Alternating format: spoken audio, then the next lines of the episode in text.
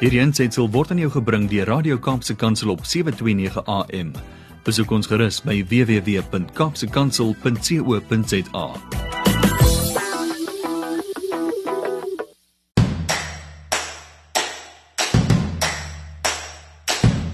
Dit is Saterdag, dit is Paasnaweek van 2021 en Landbou Landskap groet jou hartlik met die hoop dat hierdie Paasfees vir jou 'n besonderse een sal wees.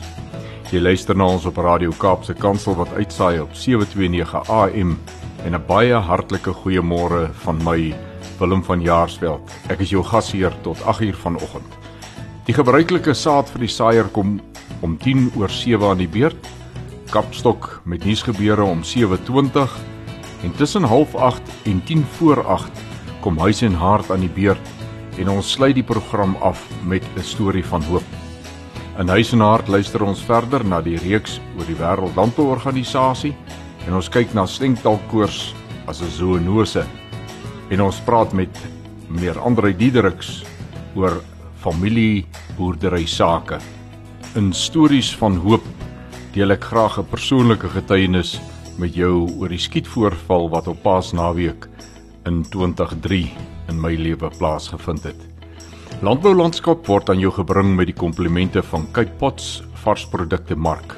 Ons hoor graag van jou, die luisteraar. Jou kommentaar, jou aanbevelings, enigiets is welkom. Ons wil graag jou luisterervaring so goed as moontlik maak en al hoe ons dit kan doen is as jy met ons praat, vir ons sê deur middel van ons WhatsApp en Telegram skakels wat jy wil hê, hoe jy dit ondervind. Gee 'n bietjie terugvoer. Dit is lekker om met jou te gesels, maar dit is baie lekkerder as jy teruggesels. Gebruik gerus die nommer 081 729 1657 of stuur 'n SMS aan 37988. En onthou, jou boodskap moet begin met die woord landbou. Ek is net hierna terug.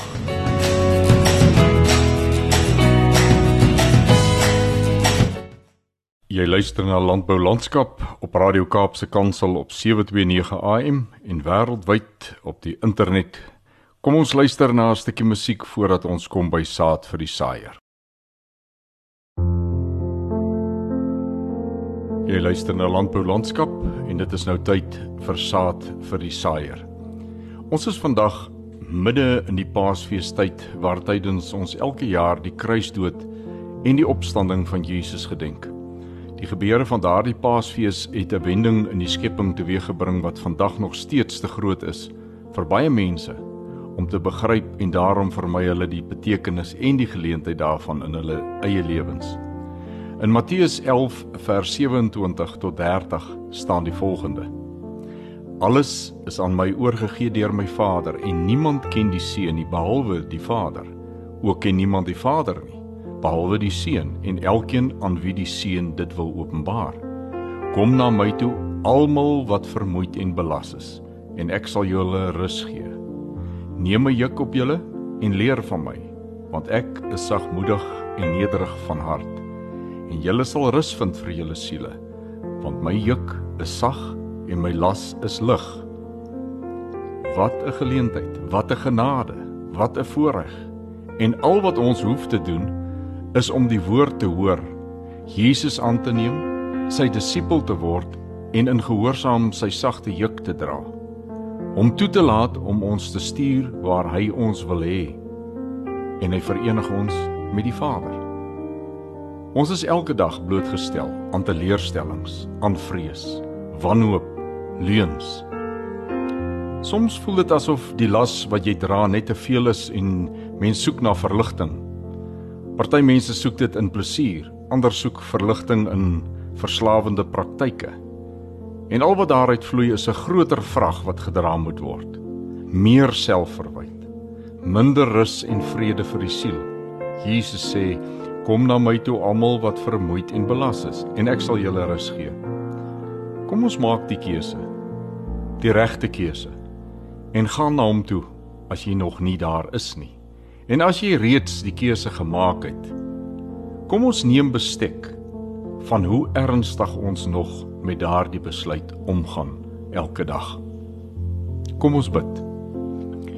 Jesus, dankie vir u offer namens ons. Dankie vir die uitnodiging om na u te kom. Dankie dat ons dit daagliks kan doen met al ons laste, ons vermoeidhede, ons vrese, ons hopeloosheid. Dankie dat ons in U rus kan vind. Dankie dat ons deur U die ewige lewe kan kry. U is waardig om aanbid te word. Ons eer U naam. Amen.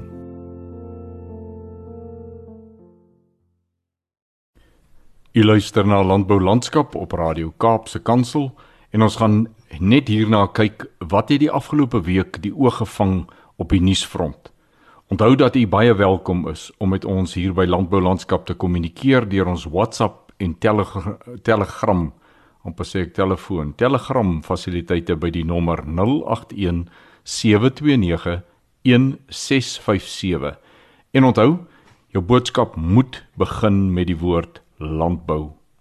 Verder sal ek baie graag van u wil verneem, u die luisteraar. Wat is daar rondom landbou waar u oor jy vra het, dinge wat jy oorwonder? Wat sou jy graag wil hê moet ons dalk in 'n gespreksprogram eh, hanteer sodat jy meer kan uitvind van daardie aspek van landbou? Dit is die tipe van goed wat ek baie graag terugvoer oor sal wil hê. Dit gaan nie oor wat bied ek vir jou aan nie.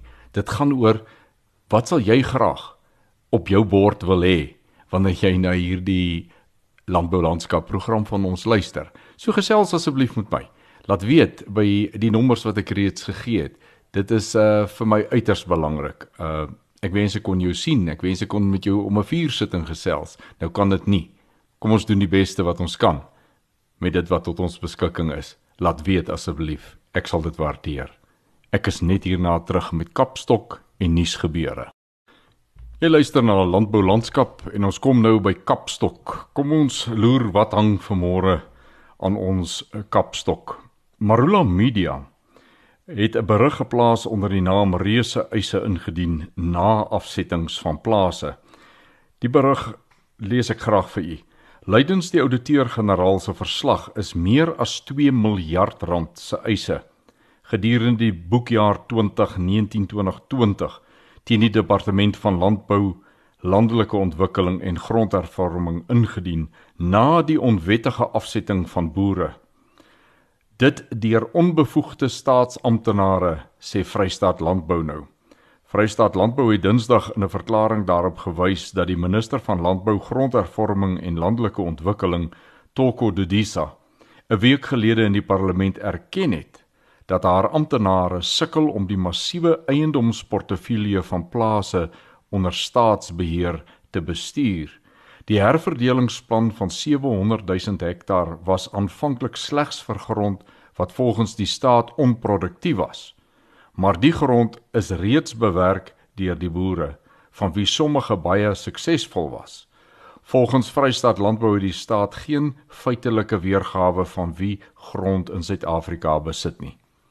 Marula Media het vroeër berig 'n groep van 8 opkomende boere van Gertsebande distriksmunisipaliteit in Mpumalanga is op die punt om hulle boerderye te verloor nadat hulle afsettingsbevele van die departement ontvang het van hierdie boere boer reeds langer as 10 jaar op staatsplase en het baie tyd en energie bestee om die plase op te knap en te ontwikkel. Die boere vrees nou dat staatsamptenare eendag by hulle plase gaan opdaag en hulle dwing om hulle sleutels van die eiendom te oorhandig. Dit terwyl die departement onlangs besluit het om die afsettingsbevel teen Ivan Kloete, 'n breinboer van die plaas Colenso by Darling in die Wes-Kaap terug te trek. Die departement het na 'n ondersoek in 'n verslag toegegee dat dit duidelik is dat Kloete sedert 2012 nie regverdig behandel is nie. Vrystaat Landbou sê nou daar is geen deursigtige prentjie oor toegang tot grond vir Suid-Afrika nie. Die organisasie sê verder dit blyk uit studies wat deur die Instituut vir Rasseverhoudinge gedoen is dat die meeste burgers nie belangstel in grondverboerdery nie, maar eerder in werk, opvoeding en veiligheid. Ons vrese is bevestig en dit is kommerwekkend dat minister Dedisa Die ramptoestand en tekortkominge van die nasionale departement wat getaak is om grond in ons land te bestuur, erken.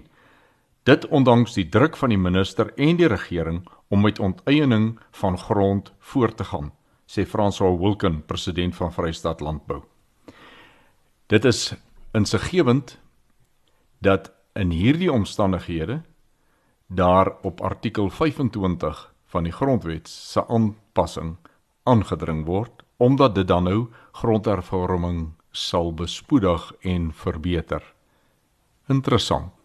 Alhoewel daar gesê word dat 'n mens jou eerder uit die weer moet uithou, het ek tog 'n interessante berig op landbou.com gekry.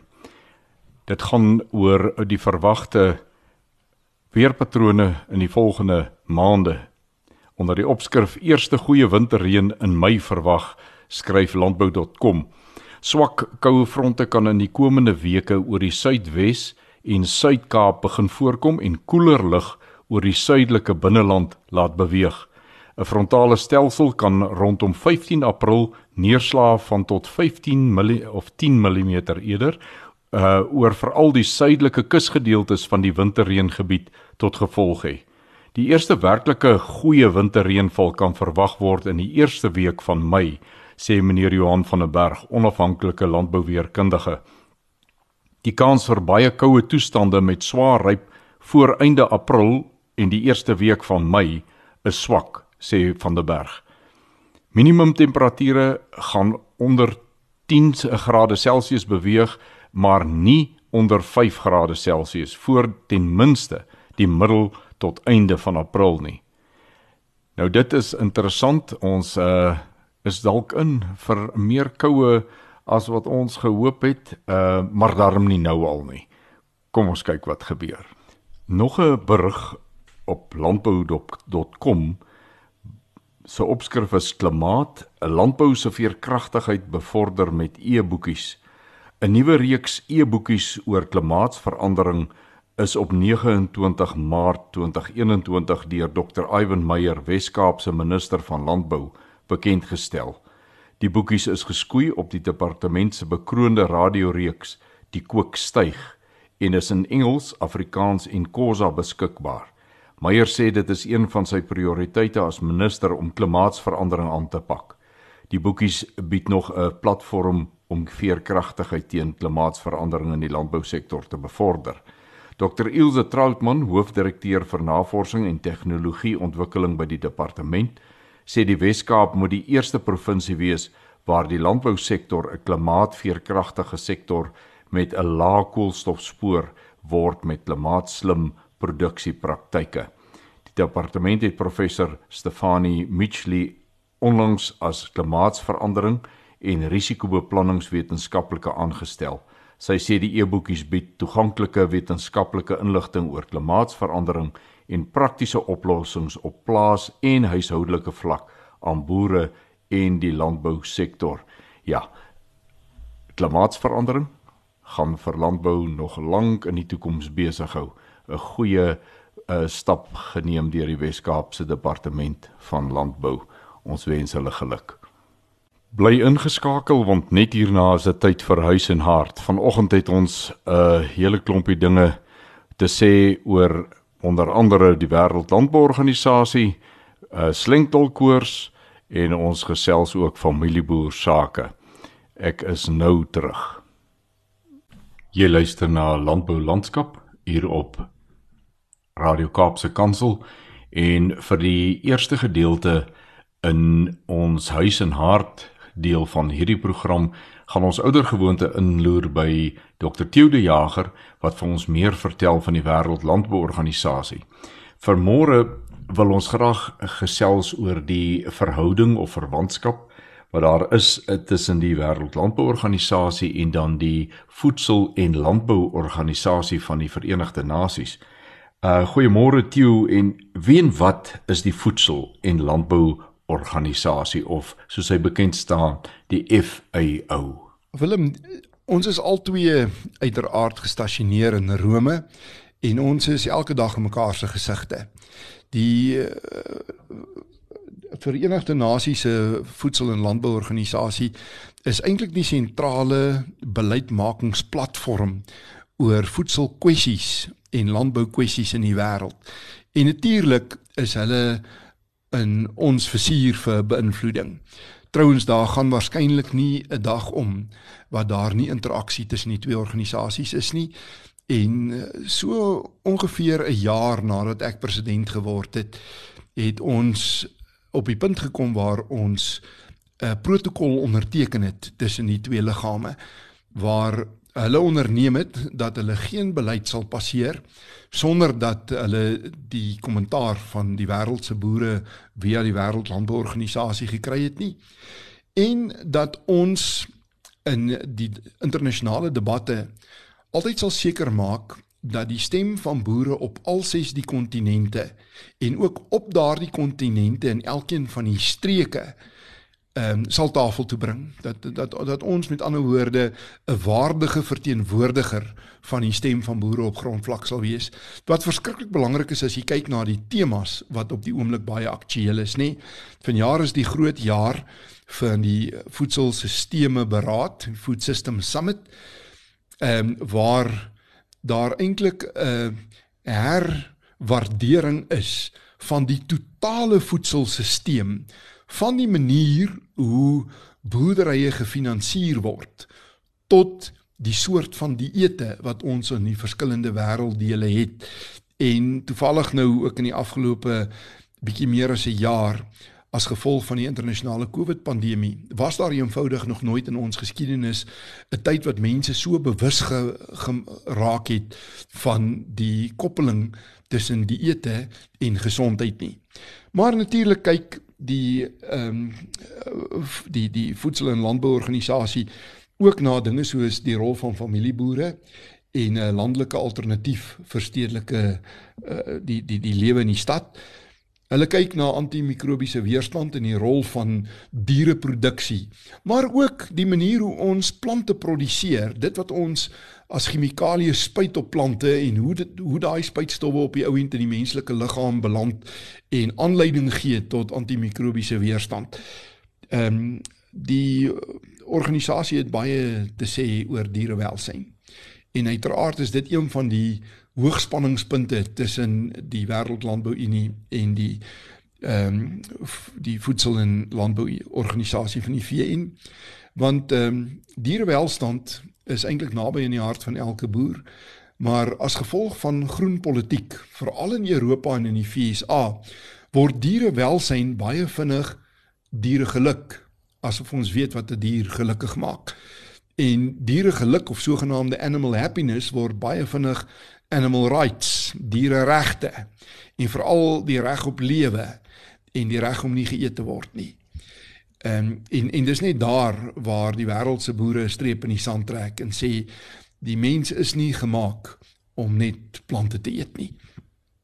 Ons is gedurig onderskoot by die voedsel- en landbouorganisasie oor biodiversiteit en die kwynende ehm um, syfers wanneer dit kom by biodiversiteit dit gaan nie net oor diere of plante wat uitsterf nie, dit gaan ook oor jou klein mikroskopiese forme van lewe veral onder die grond. Ons die Wêreldlandbouunie in 'n vennootskap met die Wêreldbank het in die afgelope 2 jaar 'n sterk drukgroep geword binne in die voedsel- en landbouorganisasie oor die kwessie van grondgesondheid. Omdat ek nogal inkoop en en en my hele direksie by die wêreldhandel in die baie sterk inkoop in die idee dat as boere genoeg doen rondom grondgesondheid wat baie letterlik in die basis van alle boerderye lê dan los ons ook 'n groot klomp probleme op rondom biodiversiteit en klimaatsverandering. En dit is die volgende baie warm tema in die voedsel en landbouorganisasie is, is die rol van ehm um, landbou en klimaatsverandering. En daar sal ons vir vandag moet haltroep. Ons sê baie dankie aan eh, Dr. Theo de Jager. Dankie dat jy met kon, ons kom kuier het Theo. Baie dankie Willem ook vir die geleentheid en vir die blootstelling. Ons is net hierna terug en dan luister ons wat Dr. Dani Oendal vir ons te vertel het rondom slenkdalkoors. Jy luister na Landbou Landskap En die gedeelte van die program waarna jy luister is Huis en Hart. In die volgende gedeelte gaan ons oudergewoonte hoor wat Dr Dani Odendal vir ons vertel rondom 'n volgende zoonose. Hy het al die afgelope paar weke elke Saterdagoggend met ons gesels oor 'n ander zoonose, met ander woorde, 'n siekte wat diere kry maar wat van dier na mens oorgedra kan word. Vanmôre kom slenkdalkoors aan die beurt. So met slenkdalkoors het ons basies 'n siekte wat sporadies met uitbreke in Suid-Afrika voorkom. Ons laaste groot uitbreek was in 2010 en voor dit was dit amper 25 jaar. Uh met die reën saam uh is die risiko vir 'n verdere uitbreek in die volgende jaar of 2 redelik groot. Nou sleng dalk koers tas dan spesifiek diere aan en mense wat met sulke diere werk, wat met siek diere werk, gewone diere wat gevek het waar ons op die plaas boere maar gewoon na om 'n nadeelse ondersoek te doen om te kyk wat die moontlike foute is om met die veearts te kommunikeer of die veearts kom uit om 'n nadeelse ondersoek te doen. Daar in daai gevalle met direkte kontak met so dier kan dit oorgedra word na na mense toe. En hy het ook daai tipiese griep simptome in mense en 'n klein persentasie van mense word baie siek en, en kan selfs doodgaan soos ons gesien het in die vorige uitbreek. Maar hy's nie aansteeklik van een mens na die volgende mens toe nie want hy word direk oorgedra wanneer jy met die dooie karkas werk en hom oopmaak. Uh so dit is een van die ekstreme voorbeelde. So net om basies af te sluit as ons dink oor zoonoses het ons enkele siektes in diere en elkeen van hulle verskil wat van diere na mense toe oorgedra kan word. Vir ons in Suid-Afrika is beesbruselose en ons wil vir die belangrikste beesbruselose en die beheer daarvan is seker die grootste funksie van staatsveearts en dienste. Maar aan die ander kant moet luisteraars ook altyd onthou daar's 100 ander siektes wat voorkom in in diere wat nie oordraagbaar is na mense toe. So dit is 'n klein aantal siektes wat wel oordraagbaar is en wat ons beheer. Ehm um, die ander voorbeelde wat voorkom van siektes wat baie mense baie bang voor is, ons hoor in die nuus daarvan so back and closure en daai goed is glad nie oordraagbaar na mense nie. So dit is net gespreek die oor gedier aan en so kan ons honderde ander voorbeelde noem. So die paar siektes wat wel na die mense toe oorgedra kan word en ek het 'n paar genoem is wat ons zoonoses noem. Ons sê baie dankie aan Dr. Dani Odendal vir sy afgelope week se insette oor zoonoses. Uh met hierdie aanbieding oor slenktalkoors kom die huidige reeks dan tot 'n eind, maar ons gaan wel een of ander tyd in die toekoms weer kyk na veral brucellose of dan soos hy bekend is in die volksmond maltakoors wat 'n redelik uitmergelende siekte is wanneer 'n mens dit sou opdoen. Ons sê baie baie dankie vir dokter Dani Odendaal vir al die moeite wat hy vir ons gedoen het. Net hierna is ons uh, terug in huis en hart met die eerste van 'n uh, hele reeks van gesprekke met Andrei Diedericks oor die aspekte van familieboerdery wat ons glo baie belangrik sal wees vir ons luisteraars. Ek is nou weer terug. Ek is terug by Landbou Landskap en soos beloof laasweek het ons gesê gaan ons 'n bietjie meer gesels oor familieboerderye. En die man aan die ander kant van die mikrofoon is niemand anders as Andrei Diedericks van Fabasa. Goeiemôre Andrei. Goeiemôre. Andrei, gee die luisteraars net so 'n bietjie meer inligting waar het Fabasa ontstaan en hoekom? Ek het net julle nou 'n bietjie terugvat in die geskiedenis toe ek nou nog nasionale bemarkingsbestuurder van meetsel was. Was ek na 'n konferensie gestuur in Puerto Rico waar ek basies geleer het dat die meeste klein en medium sake in die wêreld familieondernemings is en die professor die ekskuus tog die syfers aan my afgerammel wat nou verstom het soos 78% van die welvaart in FSA behoort aan familieondernemings en um, so het aangegaan. Ek meen hulle het mediterrane lande soos Spanje en Italië en die was dit sommer hier by 90% van geregistreerde besighede is familieondernemings. Ons het teruggekom Suid-Afrika toe, probeer wat hier aangaan. Ons het primêre navorsing laat doen deur professor Gideon Maas net om te leer dat 81% van geregistreerde besighede in Suid-Afrika familieondernemings is en natuurlik 'n land dan 96% van kommersiële boere. En dit het natuurlik die strategie baie duidelik gemaak dat ons moet uh, wat ons noem 'n uh, sentrum vir uitnemendheid, 'n sentrum of competence stig vir familieondernemings en het dan net so my in daai jare deur die wêreld te gaan stuur om die beste praktyke te gaan leer. En so het dit nou agter gekom wat aangaan natuurlik in al die lande waar gekom het ontdek daar's 'n liggaam. Partykeer is dit 'n instituut, partykeer is dit 'n assosiasie, partykeer is dit net 'n netwerk, maar daar is een van 'n liggaam wat ons sien na familieondernemings se belange.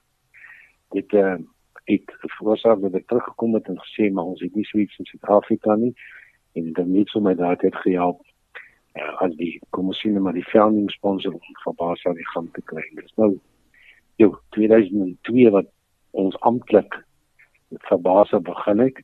Uh, en van daardie af is dit nou die familie besigheidsassosiasie van Suid-Afrika. Ek hoop dit antwoord jou vraag.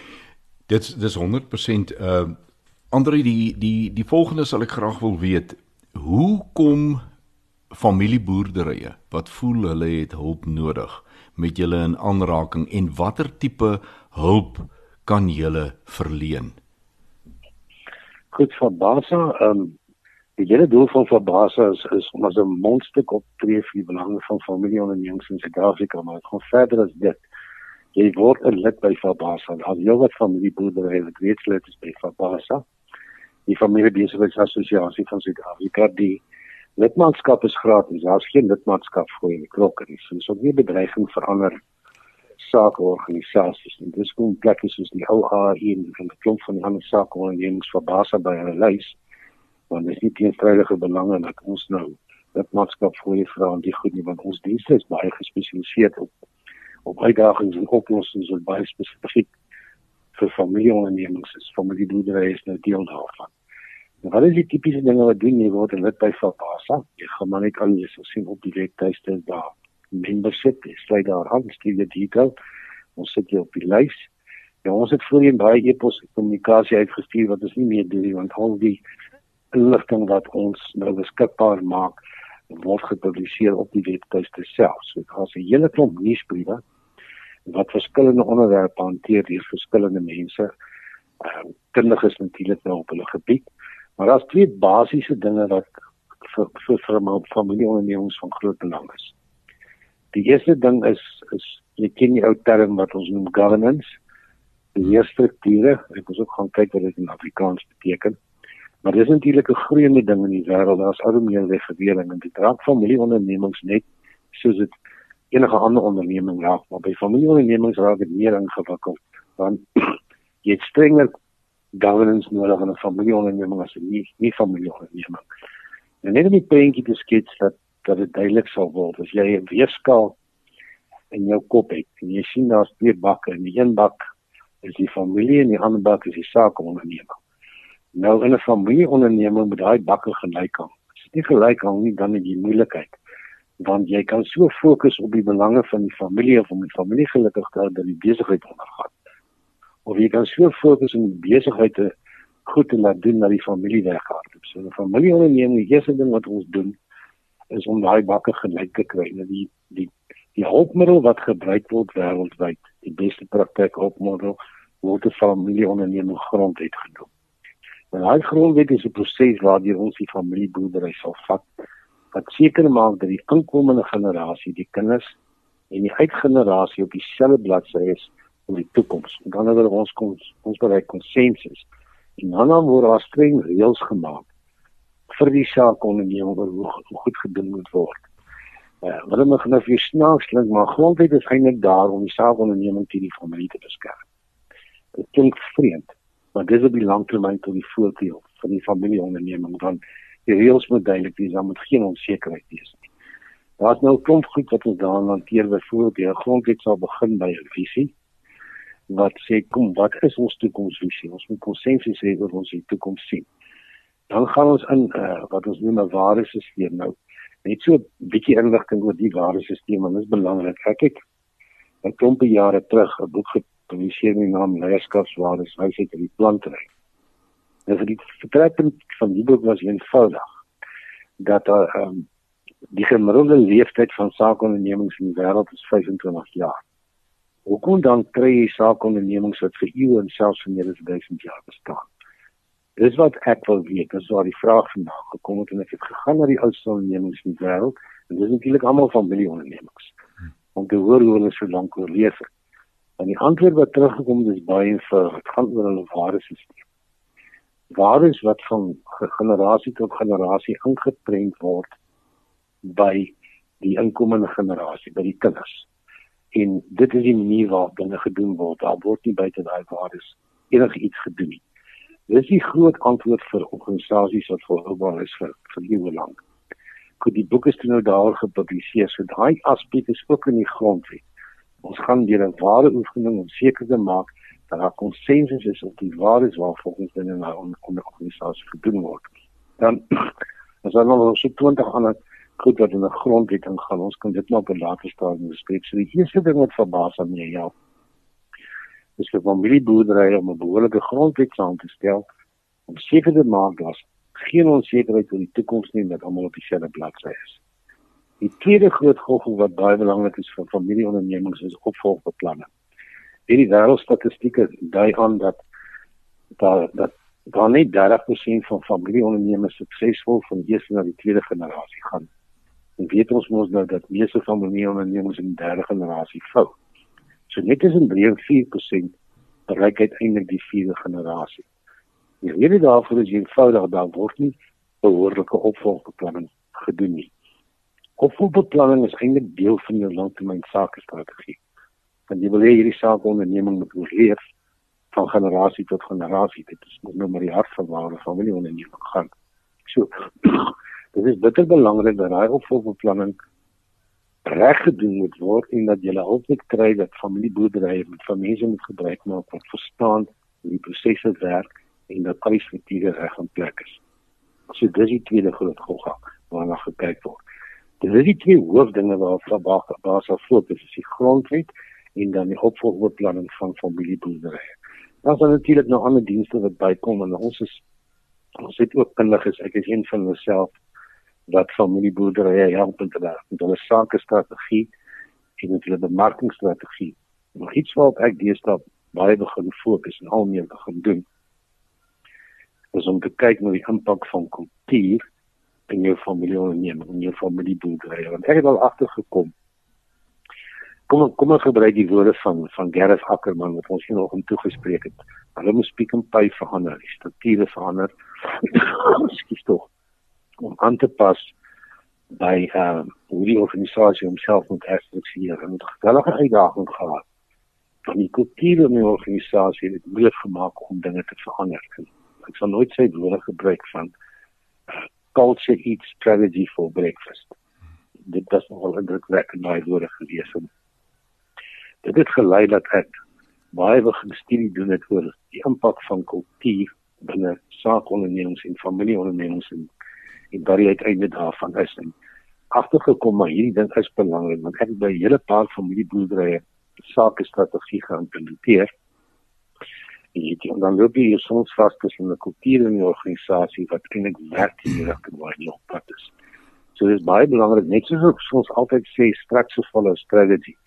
Jy jy strategie wil uitrol, jy kyk nie net struktuur en dan hoor jy strategie uit jy besluit jou strategie dan kyk jy wat se struktuur jy nodig het om 'n strategie te maak werk. Net so moet jy seker maak dat die kultuur in die organisasie reg is. Nou daar's so 10 10 stap proses waar jy ek en van die ander konsultante gaan om om familieboerderye te help waar hulle sukkel om die kultuur binne die organisasie.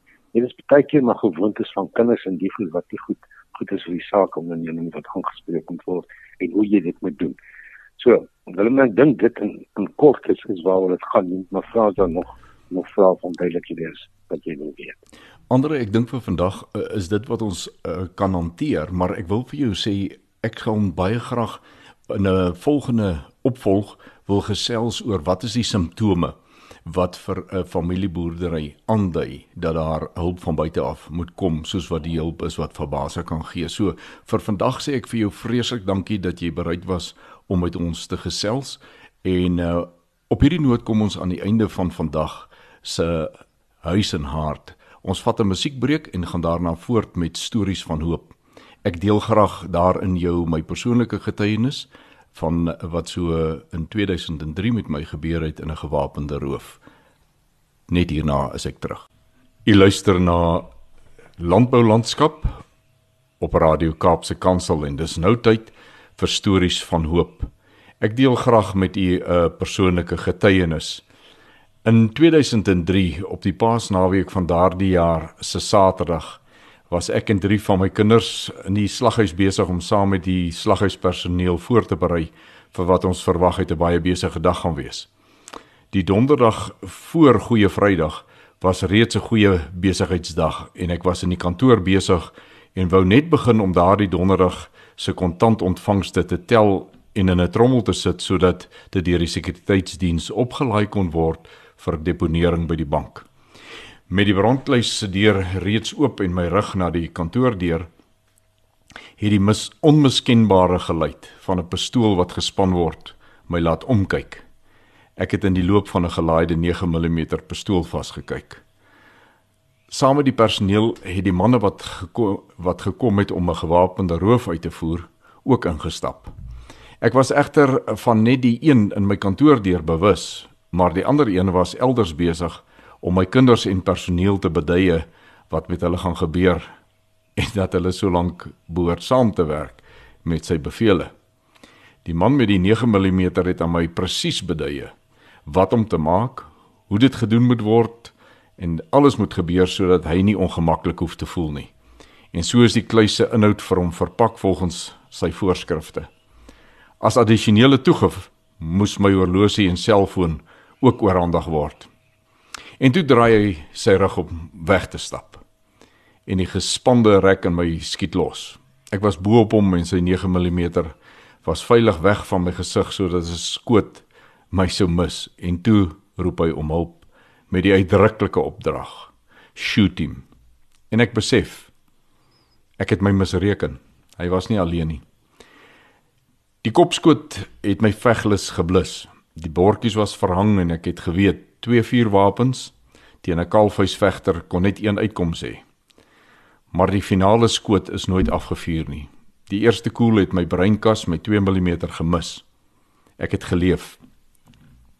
Al wat die dokter by die noodgevalle oor die saak te sê gehad het was: daardie ekstraal foto is die bewys dat daar 'n God is wat leef.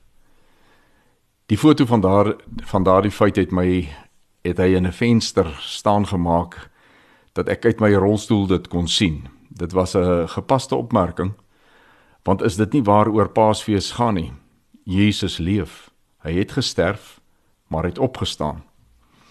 'n Neurochirurg het die koel tydens 'n delikate operasie verwyder. Want sien die drie agterrewolwer se koel wat op 2 meter afgevuur is. So naby aan my gesig dat die kruit in my gesig gespat het, is deur 'n onsigbare hand gestop voordat my breinkas en die ander kant van my gesig uitmekaar geskiet kon word. In die hoë sorg eenheid se bed was die belangrikste vraag wat 'n antwoord gesoek het. Here, waarom leef ek nog? Ek was dankbaar, uh, absoluut vreeslik dankbaar, maar die wonder van die gebeure het my laat besef dat daar 'n rede moet wees waarom my lewe gespaar is.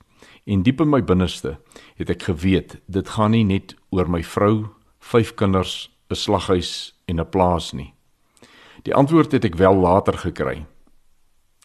En ek het 'n dankbaarheid tot hierdie dag toe dat ek mag leef om vir hom in sy wyngaard te werk. Maar wat is die morele waarde van hierdie getuienis? Die voorafgaande nag het die Heilige Gees die gemeente waar ons aanbid se destydse herder deurentyd wakker gemaak en gemaan om in die gebed in te tree vir iemand wie se lewe bedreig word. Die sielevyand beplan om iemand se lewe te beëindig en hy het gebid dat die Here dit sal verhoed. My eie pa het daardie oggend net voor 6 sy bidsessie afgesluit met 'n gebed waarin hy gevra het dat die Here sy twee kinders veilig sal beskud in die rots Jesus Christus. 5 minute na 6 daardie Saterdagoggend het die skoot geklap wat my lewe moes beëindig.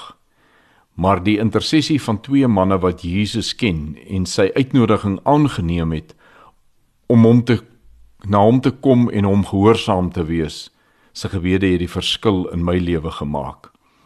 Ek kan nie anders as om te glo in die krag van gebed nie. Intersessie is nie 'n opsie nie. Dit is 'n voorreg. Maar die saak wat jou om maak nie saak wat jou omstandighede is nie. Maak nie saak waar jou lewe gaan draai het nie. Daar is net een antwoord op alle vrae wat jy mag hê. Jesus. Net een oplossing vir alle en elke probleem wat jy mag ondervind. Jesus. Hy is die weg, die waarheid en die lewe. Paasfees sal vir die res van my lewe vir my 'n besonderse tyd van die jaar wees. 'n Dankfeestyd. 'n tyd wat my God se krag en genade laat besing. Amen. Ons luister na 'n stukkie musiek en dan is ek weer terug.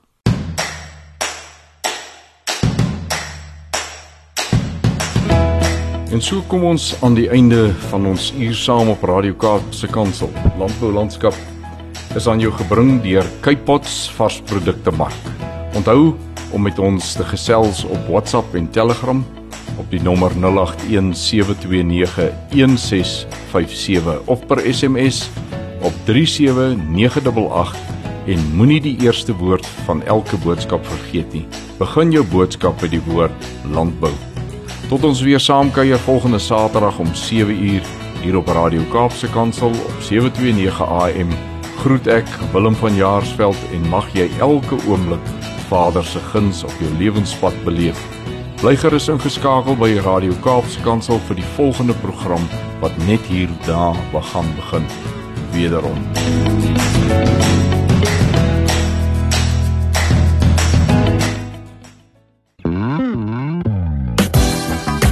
Hierdie ensetsel is aan jou gebring deur Radio Kaapse Kansel op 729 AM. Besoek ons gerus op www.kaapsekansel.co.za.